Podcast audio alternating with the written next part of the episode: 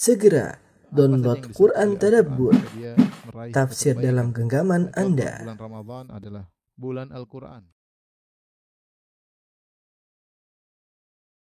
Bismillahirrahmanirrahim. Assalamualaikum warahmatullahi wabarakatuh. Alhamdulillahi ala ihsanih wa syukru lahu ala taufiqihi wa amtinanih wa asyhadu an la ilaha illallah wahdahu la syarika lahu ta'ziman li sya'nih wa asyhadu anna Muhammadan abduhu wa rasuluhu da'ila ridwanih. Allahumma salli alaihi wa ala alihi wa ashabihi wa ikhwanih. Uh, ikhwan dan akhwat Majelis Alim Al-Khansah yang dirahmati oleh Allah Subhanahu wa taala. Tentu uh, malam Lailatul Qadar adalah malam yang dinantikan oleh setiap muslim yang beriman kepada Allah dan hari akhirat. Uh, dan malam yang di, diburu oleh manusia terbaik di alam semesta itu Nabi Muhammad sallallahu alaihi wasallam. Oleh karenanya Nabi sallallahu alaihi wasallam bahkan pernah iktikaf sampai sebulan penuh gara-gara ingin mencari Lailatul Qadar ya. Sebagaimana dalam hadis Abi Sa'id Al-Khudri radhiyallahu taala anhu Rasulullah SAW iktikaf di 10 malam pertama, kemudian Jibril mengatakan yang kau cari di depanmu. Innalladzi tatlubuhu amamak, yang kau cari di depanmu. Maka akhirnya Rasulullah SAW melanjutkan iktikafnya sampai 10 hari kedua. Ternyata Jibril datang lagi menyampaikan yang kau cari di depan, kau belum mendapatkannya. Sehingga akhirnya Rasulullah SAW iktikaf 10 malam yang ketiga. Pernah satu tahun seperti itu sampai Rasulullah SAW iktikaf sebulan penuh dalam rangka mencari Lailatul Qadar dan akhirnya uh, menetap bahwasanya Lailatul Qadar berada di 10 malam yang uh, terakhir. Maka para sahabat ikut iktikaf bersama Nabi sallallahu alaihi wasallam untuk mencari Lailatul Qadar. Demikian juga sebagian istri-istri Nabi ikut iktikaf bersama Nabi sallallahu alaihi wasallam. Dan jadilah uh, mencari Lailatul Qadar merupakan uh, kegiatan kaum muslimin tahunan. Dan jadilah iktikaf merupakan sunnah yang dilakukan oleh kaum muslimin setiap tahun ritual tahunan dalam rangka untuk mencari Lailatul Qadar. Hal ini wajar karena Lailatul Qadar memiliki keutamaan yang sangat banyak ya. Sampai-sampai Allah Subhanahu wa taala menurunkan surat khusus ya dalam Al-Qur'an yang disebut dengan surat Al-Qadar yang khusus menjelaskan tentang keutamaan Lailatul Qadar. Khusus menjelaskan tentang keutamaan Lailatul Qadar. Uh, dan ini cukup bagi kita untuk uh, meyakini bahwa Lailatul Qadar adalah malam yang uh, sangat mulia ya. Oleh karenanya setiap muslim harus memiliki persiapan untuk menuju malam tersebut. Barang siapa yang cuek, yang tidak peduli ya, yang menganggap hal sepele sehingga dia terhalang dari uh, terhalang dari keutamaan malam Lailatul Qadar maka dia adalah orang yang sangat merugi. Sebagian dalam hadis kata Rasulullah wasallam, "Inna hadha syahra qad hadarakum." Sungguhnya uh, bulan Ramadan telah hadir kepada kalian yaitu persiap siap-siaplah. Fihi lailatun khairun min alfi syahr. Di dalam bulan tersebut ada suatu malam yang lebih baik daripada seribu bulan. Ya. Uh, kemudian kata Nabi sallallahu alaihi wasallam, uh, "Man hurimaha faqad hurima al khaira kullahu. Siapa yang terhalangi dari keutamaan Lailatul Qadar, maka sungguh dia telah terhalangi dari seluruh kebaikan. Wala yuh ya wala yuhramaha illa mahrum dan tidaklah terhalangi dari keutamaan Lailatul Qadar kecuali orang yang benar-benar sejatinya benar-benar terhalangi. Itu benar-benar orang yang yang merugi. Baik, uh, ikhwan dan akhwat yang dirahmati Allah Subhanahu wa taala, Uh, maka pada kesempatan kali ini kita akan membahas tentang keutamaan Lailatul Qadar. Kemudian kita akan bahas juga tentang kiat-kiat bagaimana kita menggapai Lailatul Qadar. Maka eh, izinkanlah saya untuk menyampaikan tentang tafsir surat Al-Qadar karena ini adalah surat yang paling tegas dan jelas menjelaskan tentang keutamaan malam Lailatul Qadar. Allah turunkan surat khusus tentang Lailatul Qadar. Tolong diperhatikan. Allah Subhanahu wa taala uh, berfirman ya Inna anzalnahu fi lailatul qadar wa ma adraka ma lailatul qadar Lailatul qadari khairun min alfi syahr Kemudian tanazzalul malaikatu warruhu fiha biizni rabbihim min kulli amr. Salamun hiya hatta matla'il fajar. Salamun hiya hatta matla'il fajar. Baik, uh, kita akan bahas pertama Allah Subhanahu wa taala mengatakan sungguhnya kami telah menurunkannya. Kata Allah sesungguhnya kami telah menurunkannya.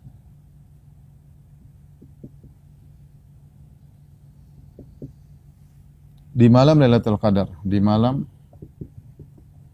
Lailatul Qadar.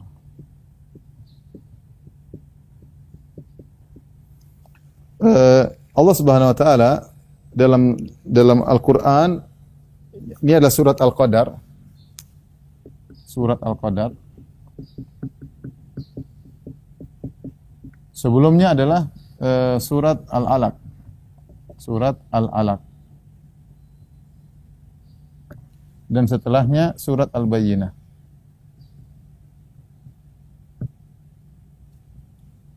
Surat Al-Bayyinah ya. Uh, surat Al-Alaq maksudnya surat uh, Iqra bismi rabbikal ladzi khalaq.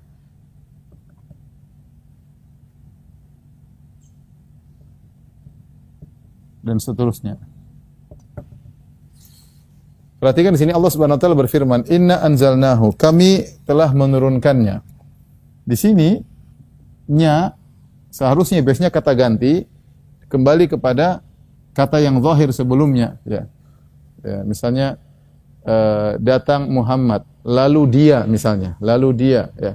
Dia ini kembali kepada Muhammad, tapi Muhammad disebutkan terlebih dahulu. Ini seperti bahasa Indonesia, kalau tiba-tiba kita bilang datang dia, dia siapa? Orang bertanya, siapa dia tersebut? Tidak jelas. Tapi kalau ada kata sebelumnya datang Muhammad, lalu dia masuk masjid, ya. Kita tahu dia itu kembali kepada Muhammad. Ya, dia itu namanya kata ganti, domir dalam bahasa Arab. Muhammad namanya kata zahir, yang jelas. Ya. Nah di sini Allah langsung menjadikan kata ganti. Sungguhnya kami telah menurunkannya. Nah di sini siapa? Ya harus maksudnya jelas Al-Qur'an. Ini maksudnya Al-Qur'an. Ini maksudnya adalah Al-Qur'an. Meskipun tidak pernah disebut sebelumnya, namun uh, kaum muslimin tahu yang dimaksud adalah Al-Qur'an karena Al-Qur'an selalu dalam hati mereka. Artinya mereka mengagungkan Al-Qur'an sehingga tidak perlu disebutkan sebelumnya kata zahirnya sudah diketahui maksudnya adalah Al-Qur'an. Apalagi diisyaratkan sebelumnya hu ini sebagian mengatakan kembali kepada uh, atau nya ini kembali kepada surat Al-Alaq ya. Karena surat Al-Alaq adalah bercerita tentang ayat-ayat uh, yang pertama kali turun kepada Nabi Shallallahu alaihi wasallam di malam Lailatul Qadar yaitu Iqra bismi rabbikal ladzi khalaq khalaqal insana min 'alaq Iqra wa rabbukal akram alladzi 'allama bil qalam 'allama al insana ma lam ya'lam. Lima ayat pertama turun kepada Nabi ketika Nabi di Gua Hira, ketika Nabi di Gua Hira ya. Maka uh, seakan-akan ini adalah mengisyaratkan kepada surat uh, sebelumnya. Padahal kalau kita lihat secara secara urutan ya, surat Al-Bayyinah lebih panjang daripada surat Al-Qadar. Seharusnya surat Al-Alaq, surat Al-Bayyinah baru surat Al-Qadar karena semakin semakin ke bawah Al-Qur'an semakin sedikit ayat-ayatnya. Surat Al-Qadar ayat-ayatnya lebih sedikit. Ya, tetapi dia langsung diletakkan di bawah surat Al-Alaq untuk mengisyaratkan bahwasanya inna anzalnahu sungguhnya kami telah menurunkannya itu kepada surat Al-Alaq itu ayat-ayat yang kami turunkan ketika Nabi di Gua Hira itu terjadinya di malam Lailatul Qadar. Sungguhnya kami telah menurunkannya yaitu Al-Qur'an fi Lailatul Qadar di malam Lailatul Qadar ya. Uh, Al-Qadar kenapa disebut dengan Lailatul Qadar? Apa sebab penamaan Lailatul Qadar? Maka ada tiga makna yang disebut oleh para ulama tentang makna Lailatul Qadar ya. Yang pertama eh, Al-Qadar sama dengan asyaraf yaitu mulia. Sehingga Lailatul Qadar disebut malam yang mulia. Kemuliaannya sangat banyak ya, sangat banyak di antaranya eh, eh, apa namanya lebih baik daripada seribu bulan dari seribu bulan. Ini di antaranya ya. Kemudian malam tersebut dipilih untuk diturunkan Al-Quran.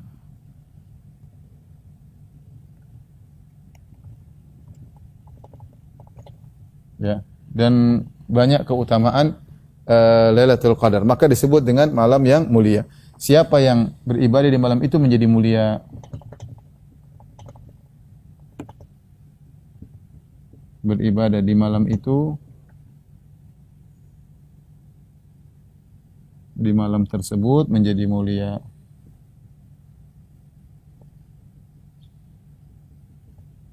Kemudian banyak ibadah di malam tersebut mudah diterima. Ketaatan di malam tersebut lebih mulia daripada ketaatan di malam-malam yang lain, ya. Maka disebut dengan Lailatul Qadar ay Lailatun Zatus Syaraf, yaitu malam yang memiliki kemuliaan. Karena Al-Qadar secara bahasa Arab artinya mulia. Ini di antara salah satu makna Lailatul Qadar. Mana yang kedua?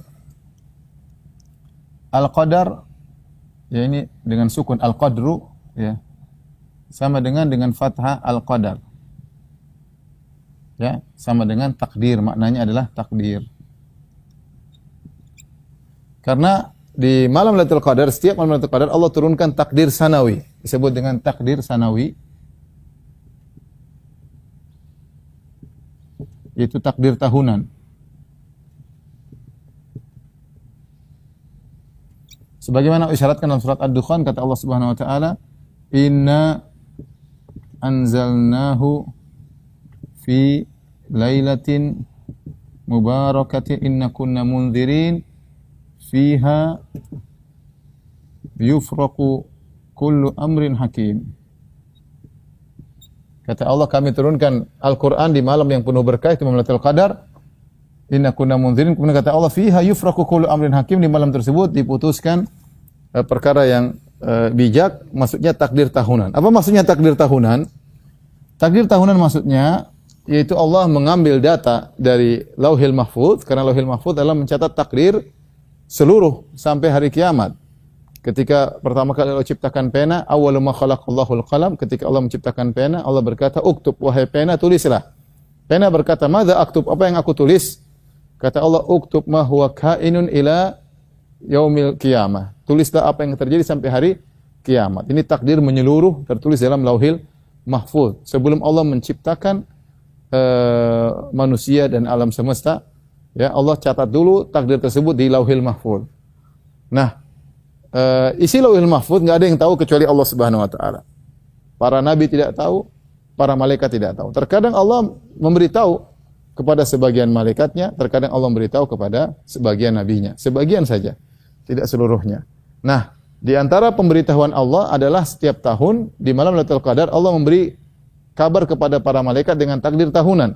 Apa yang akan terjadi dari malam Lailatul Qadar sekarang sampai malam Lailatul Qadar berikutnya. Yang data itu diambil dari data yang ada di Lauhil Mahfuz. Tentu ini ada hikmah Allah menghendaki demikian. Tapi intinya Allah mengagungkan malam tersebut sehingga malam tersebut Allah kabarkan kepada malaikat apa yang terjadi sampai selama setahun sampai Lailatul Qadar tahun berikutnya yang data tersebut diambil dari data yang ada di Lauhil Mahfuz. Makanya uh, Lailatul Qadar disebut dengan Al-Qadar karena pada malam tersebut ada malam takdir tahunan, takdir sanawi. Takdir macam-macam, ada takdir umri. Takdir umri itu takdir umur seumur seumur seorang yang tatkala seorang dijanin masih dalam janin maka fayursalu ilaihi malak Allah kirimkan malaikat kepadanya Oh, kemudian uh, wa yu'maru bi arba'i kalimat. Kemudian malaikat disuruh mencatat empat perkara. Bikat bi rizqihi, disuruh catat rizkinya, ajalnya, umurnya, surga atau neraka. Itu namanya takdir berkaitan dengan umur seumur-umur orang janin tersebut. Ini salah satu bentuk takdir. Yang itu juga uh, salah satu bentuknya adalah takdir tahunan. Yang datanya diambil dari Lauhil Mahfuz. Baik. Penamaan yang ketiga Yang ketiga, uh, al-qadar artinya al-dhayiq atau al-dhiq. Sempit. Dan ini banyak dalam Al-Qur'an perkataan al-qadar maksudnya sempit. Contoh Allah Subhanahu wa taala eh, berfirman dalam surat Al-Fajr, "Amma idza mabtalahu faqadara alaihi rizqahu fayaqulu rabbi ahanan." Adapun jika manusia kami sempitkan rezekinya, kami uji faqadara alaihi rizqahu, qadara yaitu kami sempitkan rezekinya, fayaqulu rabbi ahanan. Dia berkata, "Rabbku telah menghinakan aku." Contoh lagi kata Allah Subhanahu wa taala, "Innallaha yabsutur rizqa liman yasha wa yaqdir." Kata Allah, sungguh Allah telah melampangkan rizki kepada sebagian yang Allah kehendaki wa yaqdir dan Allah sempitkan rizki kepada siapa yang Allah kehendaki. Kembali lagi al-qadar maknanya sempit.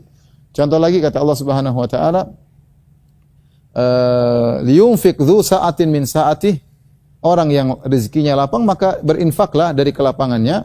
Wa man qudira alaihi rizquhu falyunfik mimma atahu Allah. Barang siapa yang disempitkan rezekinya wa man qudira disempitkan rezekinya falyunfik mimma atahu Allah. Maka dia berinfaklah sesuai dengan apa yang Allah berikan kepadanya Contoh lagi al-qadar artinya sempit seperti firman Allah Subhanahu wa taala tentang Nabi Yunus wa dhannuni idh dhahaba mughadiban fa dhanna allan naqdiru alaihi fanada fi dhulumati alla ilaha illa anta subhanaka inni kuntu minadh dhalimin. Tatkala Nabi Yunus pergi meninggalkan kaumnya, Nabi Yunus marah ya karena mereka tidak beriman.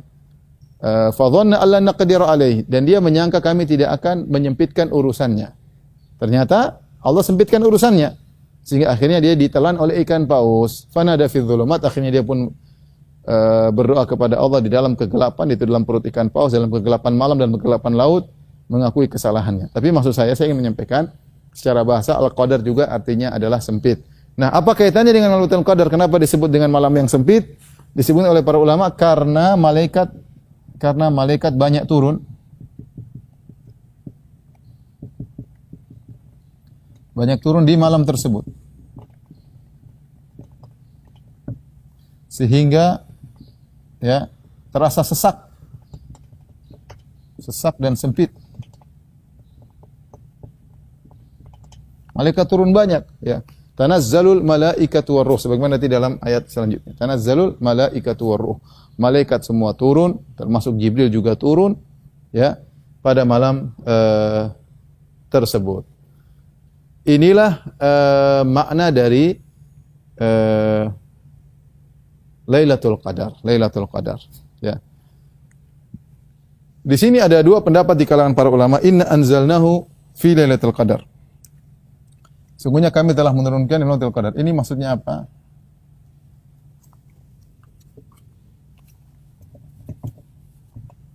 Kami telah menurunkannya di malam Lailatul Qadar. Ini ada khilaf di kalangan para ulama dua pendapat masyhur dari para kalangan salaf. Pertama dari pendapat Ibnu Abbas, maksudnya kami menurunkan Al-Quran yang sudah tertulis di Lauhil Mahfuz, kami turunkan ke Baitul Izzah di langit dunia. Seluruhnya, di malam Lailatul Qadar. Ini pendapat Ibnu Abbas. Uh, pertama Ibnu Abbas mengatakan, yaitu Al-Quran yang tercatat di Lauhil Mahfuz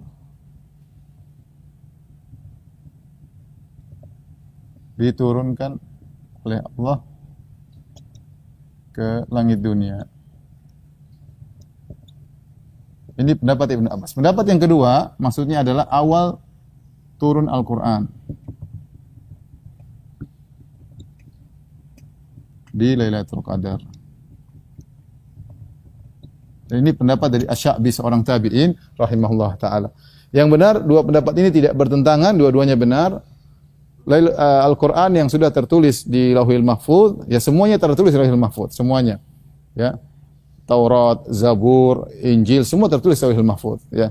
Dan Allah berbicara dengan itu sesuai dengan Allah kehendaki. Tapi sebelum Allah berbicara dengan Al-Quran, dengan atau dengan Taurat, dengan Zabur, dengan Injil, Allah uh, tulis semua di Lauhil Mahfuz. Karena semua yang akan terjadi semua dicatat, apa yang Allah akan lakukan, apa yang Allah akan bicarakan, apa yang Allah tetapkan, semuanya tertulis di Lauhil Mahfuz.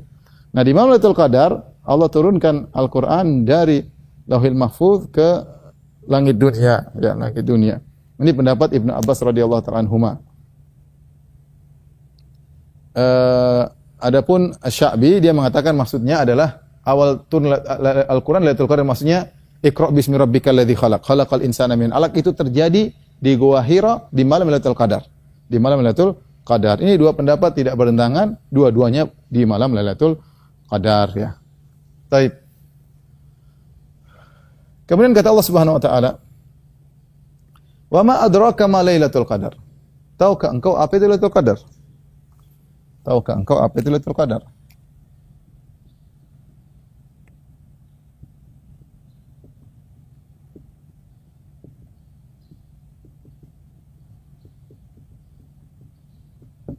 Tahukah engkau apa itu Lailatul Qadar? Dan ini adalah metode dalam bahasa Arab untuk menunjukkan agungnya sesuatu dengan pertanyaan, tahukah engkau apa itu? Ini islub metode bahasa Arab. Orang orang Arab mengerti. Pertanyaan itu maksudnya untuk pengagungan. Dan ini Allah gunakan metode ini karena Al-Quran turun dalam bahasa Arab. Allah gunakan metode ini dalam beberapa perkara ketika Allah ingin mengagungkan suatu perkara. Contoh kata Allah Subhanahu wa taala, "Wa ma adraka wa ma adraka ma yaumuddin." Tsumma ma adraka ma yaumuddin. Tahukah engkau apa itu hari pembalasan? Kemudian tahukah engkau apa itu hari pembalasan? Ketika Allah ingin me, menggambarkan tentang dahsyatnya hari kiamat, itu hari pembalasan, bukan hari yang ringan, hari yang besar, hari yang mengerikan. Makanya Allah mengatakan, "Wa ma adraka ma yaumuddin." Tahukah engkau apa hari pembalasan? Contoh juga ketika Allah ingin menjelaskan tentang dahsyatnya hari kiamat kata Allah, "Al-haqqatu mal-haqqah wa ma adraka mal-haqqah." Al-Haqqah yaitu salah satu nama hari kiamat Al-Haqqah itu hari yang pasti terjadi. Al-Haqqah yang hak pasti terjadi. Al-Haqqah. Wa ma adraka mal haqqah. Tahukah engkau hari yang pasti terjadi tersebut? Ya. Contoh juga uh, Allah berfirman Al-Qari'ah mal Qari'ah wa ma adraka mal Qari'ah. Al-Qari'ah itu salah satu nama hari kiamat yaitu hari yang sangat dahsyat yang mengetuk hati manusia membuat mereka ketakutan. Qara al-qulub yaitu mengetuk menghantam hati manusia. Al-Qari'ah, mal Qari'ah. Tahukah engkau Al-Qari'ah? Wa ma adraka mal Qari'ah? Tahukah engkau apa itu Al-Qari'ah? Ini metode, uslub, metode dalam bahasa Arab untuk menjelaskan tentang dahsyatnya sesuatu. Dan ini Allah sampaikan juga dalam Lailatul Qadar. Kata Allah, "Wa ma adraka ma Lailatul Qadar?" Tahukah engkau apa itu Lailatul Qadar? Yang menunjukkan malam tersebut malam yang sangat dahsyat. Ya. Allah jelaskan di antara keistimewaan malam tersebut. Dalam ayat ini seluruh menjelaskan tentang keistimewaan malam tersebut. Keistimewaan pertama tadi Inna anzalnahu fi lailatul qadar. Allah pilihkan malam tersebut sebagai malam untuk turunnya Al-Qur'an. Karena Al-Qur'an tidak turun di sembarang waktu, dia turun di dia berkaitan dengan semua yang spesial, yang terbaik. Ya, Al-Qur'an berkaitan dengan semua yang terbaik. Contoh Al-Qur'an dialah firman Allah, dialah kalam yang terbaik adalah firman Allah Subhanahu wa taala. Kemudian turun melalui malaikat yang terbaik, Sayyidul Malaika, pimpinan para malaikat Jibril alaihissalam. Jibril yang mendengar dari Allah kemudian menyampaikan kepada Nabi Muhammad SAW. Kemudian Al-Quran tersebut turun kepada Nabi yang terbaik, Sayyidul Mursalin, Nabi Muhammad SAW. Al-Quran tersebut turun di bulan yang terbaik, yaitu Ramadan, syahrul Ramadan alladhi unzila fihi Al-Quran. Al-Quran tersebut turun di kota terbaik, kota Mekah, yang Nabi pernah berkata, innaki la ahabbu ardillahi ilallah. Engkau adalah kota yang terbaik yang paling dicintai oleh Allah, kota kota Mekah. Ya, tetapi Nabi harus e, pergi karena diusir oleh penduduk kota Mekah. Tapi kota yang terbaik adalah kota Mekah. Kemudian diturunkan di malam yang terbaik Lailatul Qadar. Maka ketika malam tersebut dipilih sebagai malam untuk diturunkannya Lailatul Qadar, maka eh, diturunkannya Al-Qur'an, maka itu menunjukkan malam yang yang terbaik. Itu menunjukkan malam yang yang terbaik. Kemudian yang kedua, keterbaikan yang kedua menjadikan Al-Qur'an adalah malam yang dahsyat yang Allah sebutkan dalam ayat ini. Lailatul Qadri khair min alfi syahr. Ya.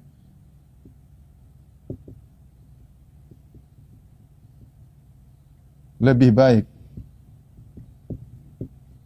dari seribu bulan.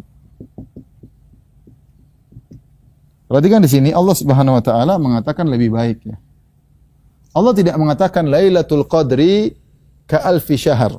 Allah tidak mengatakan Lailatul Qadar seperti seribu bulan. Tapi Allah menggunakan lafal khairun lebih baik. Lebih baik yang seberapa wallahu alam bisawab. Ya karena seribu bulan itu gambaran yang luar biasa. Kata Allah lebih baik daripada seribu bulan. Lebih baik daripada seribu bulan. Ya. Artinya apa? Siapa yang beramal di malam tersebut? Maksudnya siapa yang beramal di malam tersebut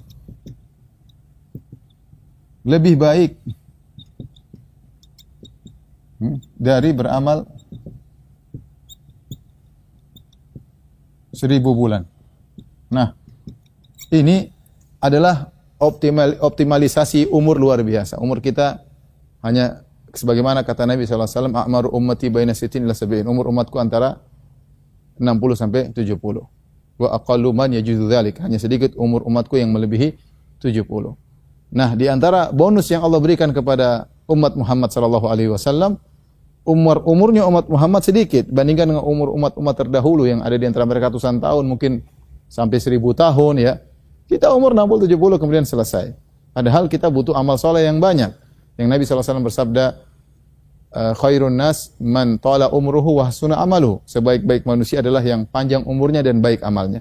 Ada solusi bagi umat Islam agar bisa bersaing dengan umat-umat sebelumnya, ya. Yang Rasulullah SAW berkata, Nahnu al-akhirun al-awwalun. Kita ini umat yang belakangan tapi yang paling duluan masuk surga. Kata Nabi. Nahnu al-akhirun al-awwalun. Kita yang paling terakhir muncul tapi kita duluan masuk surga. Di antaranya karena amal umat Muhammad lebih banyak. Di antara hal yang menjadikan amal mereka menjadi banyak, Allah kasih bonus namanya Lailatul Qadar. Siapa yang beramal di situ, maka seperti beramal seribu bulan atau lebih baik. Dan seribu bulan 83 tahun lebih, sekitar 84 tahun. Taruhlah 84 tahun ya taruh 84 tahun maka barang siapa yang setiap tahun mendapatkan Lailatul Qadar maka luar biasa. Bayangkan kalau dia 10 tahun dapat setiap tahun dapat Lailatul Qadar selama 10 tahun. Berarti dia telah men-save 840 tahun. Kalau setiap tahun dapat Lailatul Qadar berarti 83 84 tahun sampai 10 tahun 840 tahun atau 830 tahun. Luar biasa. Siapa yang bisa ibadah 830 tahun enggak kuat. Tapi dengan karunia Allah Allah Subhanahu wa taala uh, memudahkan kaum muslimin untuk bisa meraih keistimewaan tersebut. Makanya saya ingin ngajak hitung-hitungan meskipun tidak seperti ini tapi ini sekedar untuk hitung-hitungan uh, uh, jadi kalau kita taruhlah malam ya malam Lailatul Qadar 10 jam.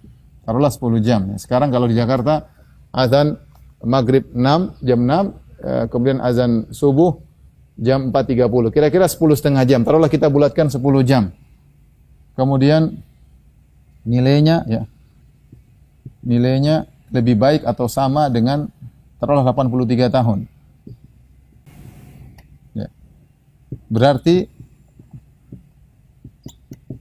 eh, satu jam kurang lebih bernilai 8,3 tahun ibadah. 8,3 tahun ibadah ya. E, coba dihitung berarti satu menit berapa coba? 8,3 tahun bagi e, bagi 60 coba. Coba di hitung matematika saya juga belum hitung ya. Saya belum hitung juga. Sekarang saya mau hitung biar jelas kita tahu ya. 8,3 bagi 60 sama dengan 0,138 kali 365. 50 hari perhatikannya. Jadi satu menit kurang lebih 50 hari. Tapi kalau satu detik berarti satu detik bagi aja 50 hari bagi 60 ya. Hitung lagi kita. Enggak apa-apa ya.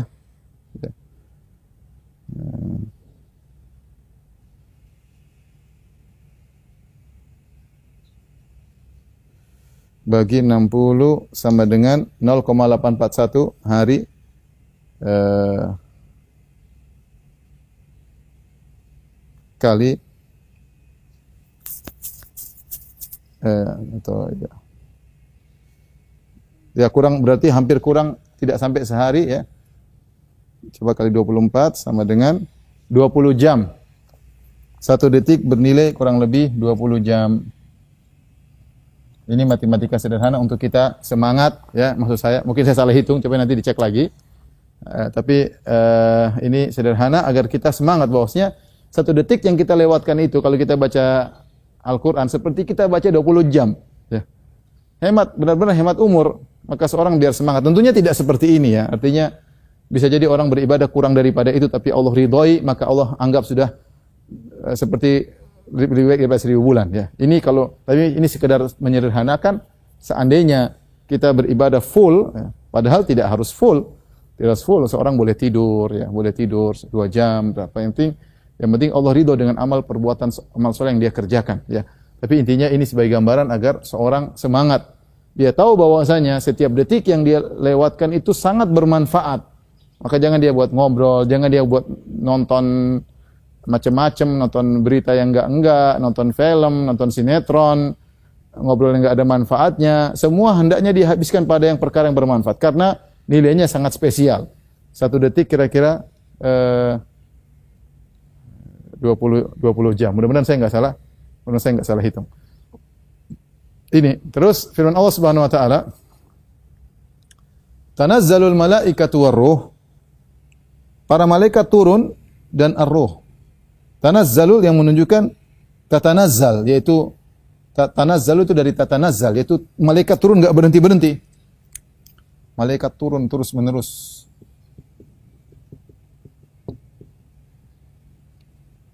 Nah, terus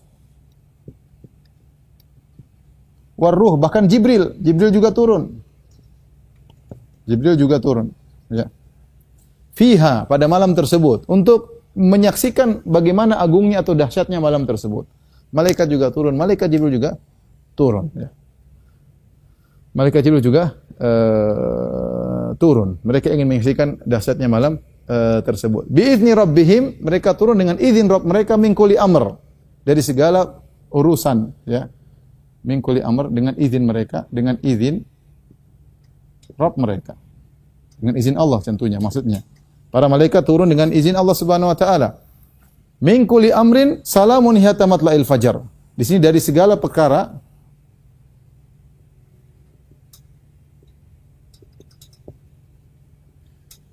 keselamatan malam tersebut sampai ter, keselamatan malam tersebut hingga terbit fajar. Tapi saya ingin menyampaikan uh, ada beberapa tafsiran berkaitan dengan ini. Yang pertama, ikhwan dan akhwat dirahmati Allah Subhanahu wa taala, malaikat turun dengan izin Allah Subhanahu wa taala. Min kulli amrin salamun dari segala perkara keselamatan, dari segala perkara keselamatan. Ada sebagian ulama berpendapat maksudnya untuk menjelaskan turunnya malaikat di bumi ketika itu untuk membawa keselamatan. Kenapa? Karena tersering malaikat turun bawa azab. Sering malaikat turun bawa azab. Seperti orang-orang musyrikin yang sering minta mana malaikat? Ya. Uh, laula unzila alaihi malak. Kalau bagaimana kalau Muhammad turun bersamanya malaikat? Kata Allah, "Ma nunazzilul malaikata illa bil haqqi wa ma kanu idzan munzarin." Dalam surat Al-Hijr kata Allah, kami tidak turunkan malaikat kepada mereka. Seandainya kami turunkan malaikat kepada mereka, mereka tidak akan ditunda, akan diadab. Malaikat sering turun datang adab. Seperti malaikat yang mengadab kaum Lut. Allah kirimkan malaikat untuk mengadab kaum kaum Lut. Ya, kemudian juga Allah juga berfirman dalam surat Al-Furqan kata Allah Subhanahu wa taala, "Yauma yarawna al-malaikata la busyra yauma idzil lil mujrimin." hari di mana mereka akan melihat malaikat turun kepada mereka dan tidak ada kabar gembira bagi mereka itu azab akan turun kepada mereka. Ya. Makanya di sini Allah jelaskan malaikat turun ketika itu bukan untuk menurunkan azab tapi untuk keselamatan. Makanya min kulli amrin salam, malaikat turun untuk bawa keselamatan. Karena malaikat terkadang turun bawa azab. Membawa keselamatan disebutkan juga oleh sebagian ahli tafsir maka malaikat akan berjalan-jalan mencari orang-orang yang beribadah dan mengucapkan salam kepada mereka meskipun mereka tidak dengar. Salamun alaikum, keselamatan bagi kalian, keselamatan bagi kalian. Malaikat memberi salam kepada orang-orang yang sedang beribadah di malam tersebut. Dan itu kebiasaan malaikat. Kebiasaan yang mereka lanjutkan sampai tatkala di surga. Di antara kebiasaan malaikat adalah memberi salam kepada para penghuni surga. Seperti dalam surat Ar-Ra'd Kata Allah Subhanahu wa taala, "Wal malaikatu yadkhuluna 'alaihim min kulli bab, salamun 'alaikum bima sabartum fa ni'ma uqbaddar." Ya. Dan uh, malaikat memasuki mereka penghuni surga dari segala pintu dan malaikat berkata, "Salamun 'alaikum bima sabartum." Keselamatan atas kalian karena kesabaran kalian kalian masuk surga. Jadi malaikat memberi salam, mereka mencari hamba-hamba Allah yang sedang beribadah, yang sedang baca Quran, yang sedang salat malam, yang mungkin sedang berbakti kepada orang tua, yang mungkin sedang bersedekah, diucapkan selamat bagi oleh malaikat kepada mereka. Maka hani'an lahum sungguh kebahagiaan, kegembiraan bagi mereka yang di malam tersebut malaikat mengucapkan salam kepada mereka sementara mereka sedang beribadah kepada Allah Subhanahu wa taala. Maka celaka di malam tersebut orang-orang yang main-main atau sedang bermaksiat, nonton yang enggak-enggak, sedang bergibah ria, sedang ya uh, sangat merugi pada malam tersebut ya. Ini di antara tafsiran salam ya. Hiya hatta matla'il fajar. Sebagian mengatakan salamun hatta maksudnya malam tersebut malam penuh dengan keselamatan malam penuh dengan keselamatan. Hiya hatta matla'il fajar sampai terbit fajar. Di sini perhatikan hingga terbit fajar, hingga terbit fajar. Sampai terbit fajar. Ini ada dua pendapat di kalangan para ulama tentang kata hingga di sini. Khilaf. Ada yang mengatakan maksudnya dan ini pendapat mayoritas malam Lailatul Qadar berakhir dengan terbit fajar azan subuh. Dan ini yang zahir daripada Al-Qur'an karena malam memang dimulai dari terbenam matahari sampai terbit fajar itu namanya malam. Berarti Lailatul Qadar azan subuh Lailatul Qadar selesai, selesai. Sehingga subuh tidak termasuk dari Lailatul Qadar. Pendapat yang kedua ini disyaratkan oleh Tahir bin Asyur dalam tafsirnya hingga di sini maksudnya hingga ujung ikut masuk ya. Misalnya saya pergi dari Jakarta sampai ke Bandung. Maksudnya saya sampai bukan bukan di perbatasan Bandung, saya masuk ke Bandung. Saya masuk ke Bandung hingga di sini ujung ikut masuk. Ini pendapat kuliah secara bahasa mungkin. Kata hingga itu secara bahasa bisa jadi tidak masuk ujungnya, bisa jadi ikut masuk ujungnya. Seperti saya mengatakan, saya pergi dari Jakarta hingga ke Bandung. Apa maksudnya hingga ke Bandung? Apakah di perbatasan sebelum masuk ke Bandung? Ataukah saya masuk ke dalam Bandung? Dua kemungkinan dalam bahasa Arab. Pendapat pertama mengambil kemungkinan bahwasanya ujung tidak ikut masuk sehingga namanya malam berakhir dengan terbit fajar. Sehingga kalau sudah azan subuh Lailatul Qadar selesai. Azan subuh Lailatul Qadar selesai. Pendapat kedua, ujung ikut masuk dan ini rahmat dari Allah Subhanahu wa taala pendapat Tahir bin Asyur bahwasanya subuh ikut masuk. Sehingga solat subuh ikut masuk dalam Lailatul Qadar. Maka seorang waspada agar dia jangan lalai solat subuh di malam Lailatul Qadar. Ya menurut pendapat kedua, matla'il fajar, terbit fajar masih ikut masih masuk dalam masih masuk dalam Lailatul Qadar. Masih masuk Lailatul Qadar sehingga salat subuh bagian dari Lailatul Qadar. Sehingga salat subuh bagian dari Lailatul Qadar.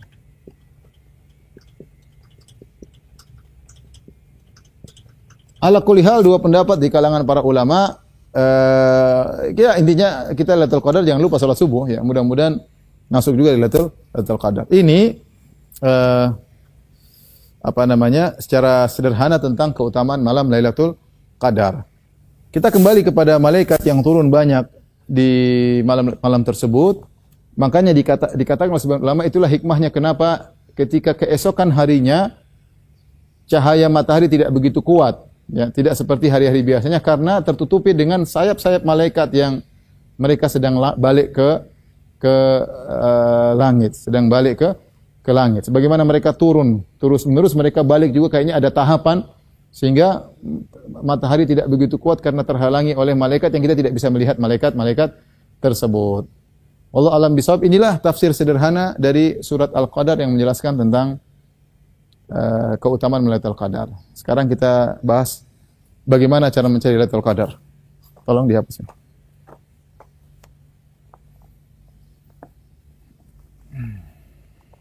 Baik, uh, ikhwan dan akhwat subhanahu wa ta'ala.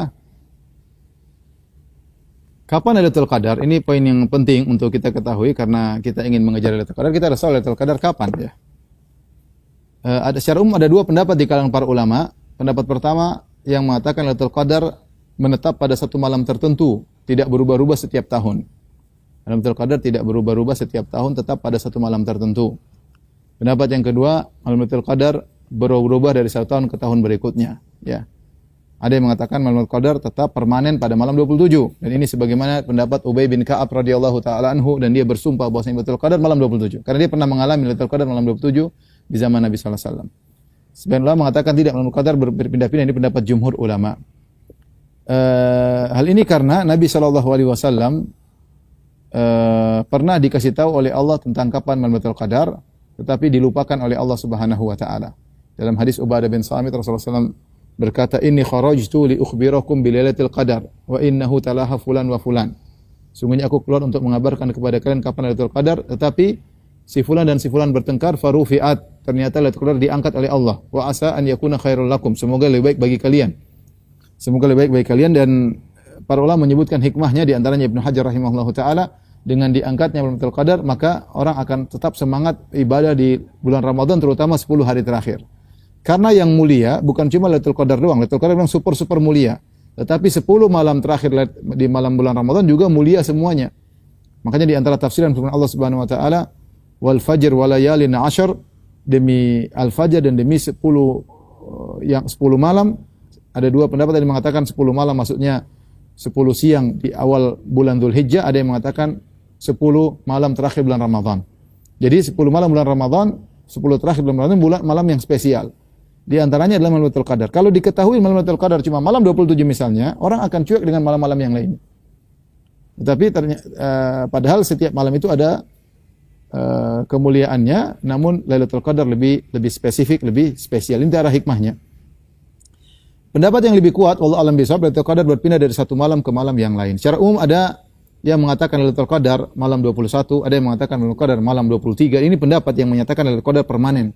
Ada yang mengatakan Lailatul Qadar malam 27 dan ada yang pendapat mengatakan Lailatul Qadar malam 29. Eh, khilaf ini di antaranya disebutkan oleh uh, Ibnu Atiyah dalam tafsirnya Al-Muharrar Al-Wajiz. Uh, dan pendapat yang lebih kuat bahwasanya Lailatul Qadar berpindah-pindah karena kita lihat berdasarkan hadis-hadis ternyata Rasulullah SAW di zaman Nabi pernah Lailatul Qadar malam 21 sebagaimana hadis Abu Sa'id Al-Khudri. Uh, ketika itu uh, Rasulullah mengatakan tentang Lailatul Qadar di pagi harinya Rasulullah bermimpi Rasulullah SAW sujud di tanah yang becek dan ternyata tahun tersebut terjadi pada malam 21. Malam 21 hujan. Fawaqafal masjid, kemudian masjid karena terbuat atapnya dari uh, korma atau daun-daun korma atau pelepah korma dan yang semisalnya, maka ada menetes air dari masjid, kebetulan menetes ke lokasi sujudnya Nabi Shallallahu Alaihi Wasallam. Ketika Nabi sujud, maka Nabi sujud di atas becek sehingga dahi beliau becek dan itu terjadi pada malam 21 uh, bulan Ramadan sehingga Lailatul Qadarnya malam 21 dan terjadi hujan. Oleh karenanya bisa jadi Lailatul Qadar hujan, bisa jadi hujan sebagaimana zaman Nabi sallallahu alaihi wasallam. Kemudian ada yang berpendapat Lailatul Qadar malam 23. Berdasarkan hadis Abdullah bin Unais radhiyallahu taala anhu. Waktu dia berbicara tentang Lailatul Qadar dia mengatakan kami bersama Nabi wasallam tiba-tiba kami bertanya kepada Nabi tentang Lailatul Qadar. Kata Nabi wasallam iltamisuha al-lailah, carilah Lailatul Qadar malam ini. Ketika itu malam 23 ketika itu malam 23. Sehingga sebagian lama berpendapat Lailatul Qadar malam 23. Kemudian Ubay bin Ka'ab berpendapat malam 27 karena dia pernah mengalami Lailatul Qadar malam 27. Rasulullah menyebut Lailatul Qadar itu ciri-cirinya di pagi harinya matahari tidak terlalu terik.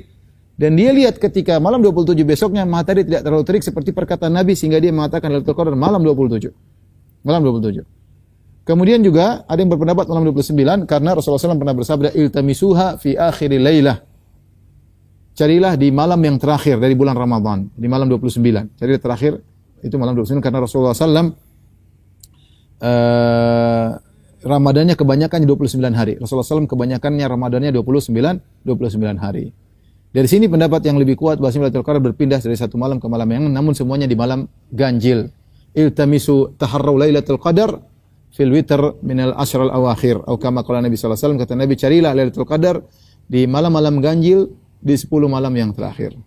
Maka syarat pertama seorang ingin menggapai Lailatul Qadar, maka dia harus bersungguh-sungguh beribadah di 10 malam terakhir terkhususkannya di malam-malam ganjil, malam 21, malam 23, malam 25, malam 27, malam 29. Karena setiap malam tersebut ada kemungkinan adanya Lailatul Qadar. Jika dia bersungguh-sungguh di lima malam tersebut saja, malam 21, malam 23, malam 25, 27, 29, dipastikan dia telah meraih Lailatul Qadar. Dipastikan dia telah meraih telah, telah meraih Lailatul Qadar. Ini yang uh, kita harapkan untuk kita dan untuk para pemirsa. Maka malam-malam ganjil tersebut jangan disia-siakan. Kita nggak tahu uh, mana di antara malam tersebut Lailatul Qadar. Barang siapa yang ber, berijtihad bersungguh-sungguh di lima malam tersebut, maka dia telah beribadah lebih baik daripada 83 atau 84 tahun, lebih baik daripada 1000 bulan. Karenanya Nabi SAW uh, uh, mengkhususkan 10 malam terakhir. Ya. Dalam hadis karena Nabi sallallahu Aisyah radhiyallahu anha berkata, karena Nabi wasallam idza dakhala al-ashar syadda mi'zarahu. Adalah Rasulullah SAW kalau masuk 10 malam terakhir dia kencangkan ikatan sarungnya. Itu maksudnya beliau tidak menggauli istri-istrinya. Adapun 20 malam sebelumnya Rasulullah SAW masih menggauli istrinya. Ya, tapi 10 hari terakhir Rasulullah SAW tidak menggauli istrinya lagi. Ya. Syadda mi'zarahu. Kemudian wa ahya lailahu. Rasulullah SAW hidupkan malamnya. Wa aiqadha ahlahu dan bangunkan istrinya. Apa maksudnya menghidupkan malamnya? Ada dua pendapat. Ada yang mengatakan Rasulullah SAW begadang. Ya, ada yang mengatakan Rasulullah SAW begadang. Dan ada yang mengatakan Rasulullah SAW tidak begadang tapi mengurangi tidur. Tapi uh, mengurangi uh, tidur. Kemudian uh, jangan lupa juga membangunkan membangunkan istri ya wa ahlahu Rasulullah SAW setiap tahun selalu membangunkan istrinya setiap malam tetapi khusus Lailatul Qadar Rasulullah SAW atau 10 hari terakhir Rasulullah SAW bangunkan lebih cepat. Agar istrinya beribadah. Ini menunjukkan bahwasanya Lailatul Qadar boleh tidur. Istrinya pun tidur. Rasulullah tidak mungkin memberikan yang ya, kalau memang harus tidak tidur untuk Lailatul Qadar harusnya istri Nabi tidak tidur. Tapi istri, rupanya istri, istri Nabi juga tidur. Makanya kata Aisyah aiqadha ahlahu. Berarti Rasulullah SAW bangunkan Aisyah. Ini dalil bahwasanya seorang Lailatul Qadar boleh tidur. Tapi jangan kelamaan ya jangan sampai tidur le, apa tidur lebih, lebih lebih baik daripada tidur seribu bulan ya. Tidur tidur yang wajar. Dua bulan eh dua bulan tidurnya pak. Dua jam oke. Okay, tiga jam oke okay, ya. Nah, tapi lebih daripada itu jangan. Kita berusaha untuk beribadah. Minum kopi kayak apa kayak yang penting uh, semangat untuk uh, beribadah ya. Uh, di antaranya ibadah yang bisa kita lakukan ya, di antaranya baca Al-Qur'an, kemudian sholat malam ya. Makanya bagus kalau ada misalnya bikin program sholat diperbanyak ya, sholat ronde pertama, sholat ronde kedua seperti di Masjid Nabawi, Masjidil Haram agar orang-orang terisi waktunya. Mereka jam satu harus bangun untuk sholat sampai jam 3 misalnya, habis itu sudah siap-siap sahur. Sehingga waktu mereka terpaksa untuk dihabiskan untuk beribadah kepada Allah Subhanahu wa taala. Baca Quran, baca tafsir ya. Uh, bersedekah. Kalau sekarang bersedekah sangat mudah meskipun kita di masjid kita bisa buka ATM banking kemudian kita bisa kirim sedekah kepada orang yang hendak kita sedekahi, beri hadiah. Banyak ibadah yang bisa kita lakukan terutama malam-malam ganjil, terutama malam-malam ganjil. Intinya eh, ikhwan dan akhwat yang rahmati Allah Subhanahu wa taala, kita tahu manusia uh, disuruh baca Quran lima jam nggak kuat ya. Kecuali orang-orang spesial. Tapi kita tahu bahwasanya manusia ini namanya jiwa memiliki kebosanan. Maka Allah Subhanahu wa taala memberikan berbagai macam model ibadah. Lakukan ibadah apa saja ya yang bisa kita lakukan di malam-malam tersebut baik yang iktikaf maupun yang tidak iktikaf ya. Karena Lailatul Qadar tidak disyaratkan iktikaf tentu kondisi yang terbaik untuk meraih Lailatul Qadar adalah dengan iktikaf tapi jika tidak iktikaf tidak jadi masalah ya. Karena tidak harus ya. Uh, tetapi Intinya jangan sampai di malam-malam tersebut ada waktu-waktu yang terbuang. Kita fokus beribadah sehingga diridhai oleh Allah Subhanahu wa taala uh, di malam-malam tersebut. Wanita yang lagi ada halangan ya uh, tetap juga beribadah, tidak terhalangi Lailatul Qadar, dia bisa baca Quran, dia bisa berzikir ya, tapi jangan pegang Al-Qur'an. Dia, dia dia boleh baca Quran menurut pendapat yang lebih kuat dan dia boleh berzikir dan dia boleh bantu suaminya untuk uh, bangun beribadah, bangunkan anak-anaknya, semangatin mereka. Dia bisa berdoa kepada Allah Subhanahu di antara ibadah yang Allah berdoa di malam Lailatul Qadar. Uh, bahkan sebagian salaf mengutamakan doa daripada uh, yang lainnya ya karena doa di malam Qadar sangat mudah dikabulkan ya. Dan doa yang sangat agung adalah Allahumma innaka afun tuhibbul afwa fa'fu anni. Ya Allah semuanya Engkau Maha Pengampun dan Engkau mencintai pengampunan maka ampunilah uh, hambamu ini ya. Ini bisa di uh, dilakukan bagi wanita yang uh, berhalangan. Inilah mungkin uh, ikhwan dan akhwat yang dirahmati Allah Subhanahu wa taala yang bisa saya sampaikan pada kesempatan kali ini. Ya, semoga Allah mudahkan kita semua untuk meraih Lailatul Qadar. Siapa yang merugi pada malam tersebut maka dia benar orang-orang yang merugi. Ya, man hurima man hurimaha faqad hurima al khaira kullahu. Siapa yang terhalangi di Lailatul Qadar sungguh dia telah terhalangi dari segala kebaikan ya wala yuhramaha illa mahrum dan tidak terhalangi dari Qadar kecuali orang yang benar-benar merugi wallahu alam bisawab demikian saja uh, majelis salim khansa dan juga para pemirsa di YouTube maupun Facebook kajian kita pada kesempatan kali ini insyaallah kita lanjutkan pada kesempatan yang lain. Kurang lebihnya saya mohon maaf. Eh, Wabillahi taufiq wal hidayah. Assalamualaikum warahmatullahi wabarakatuh.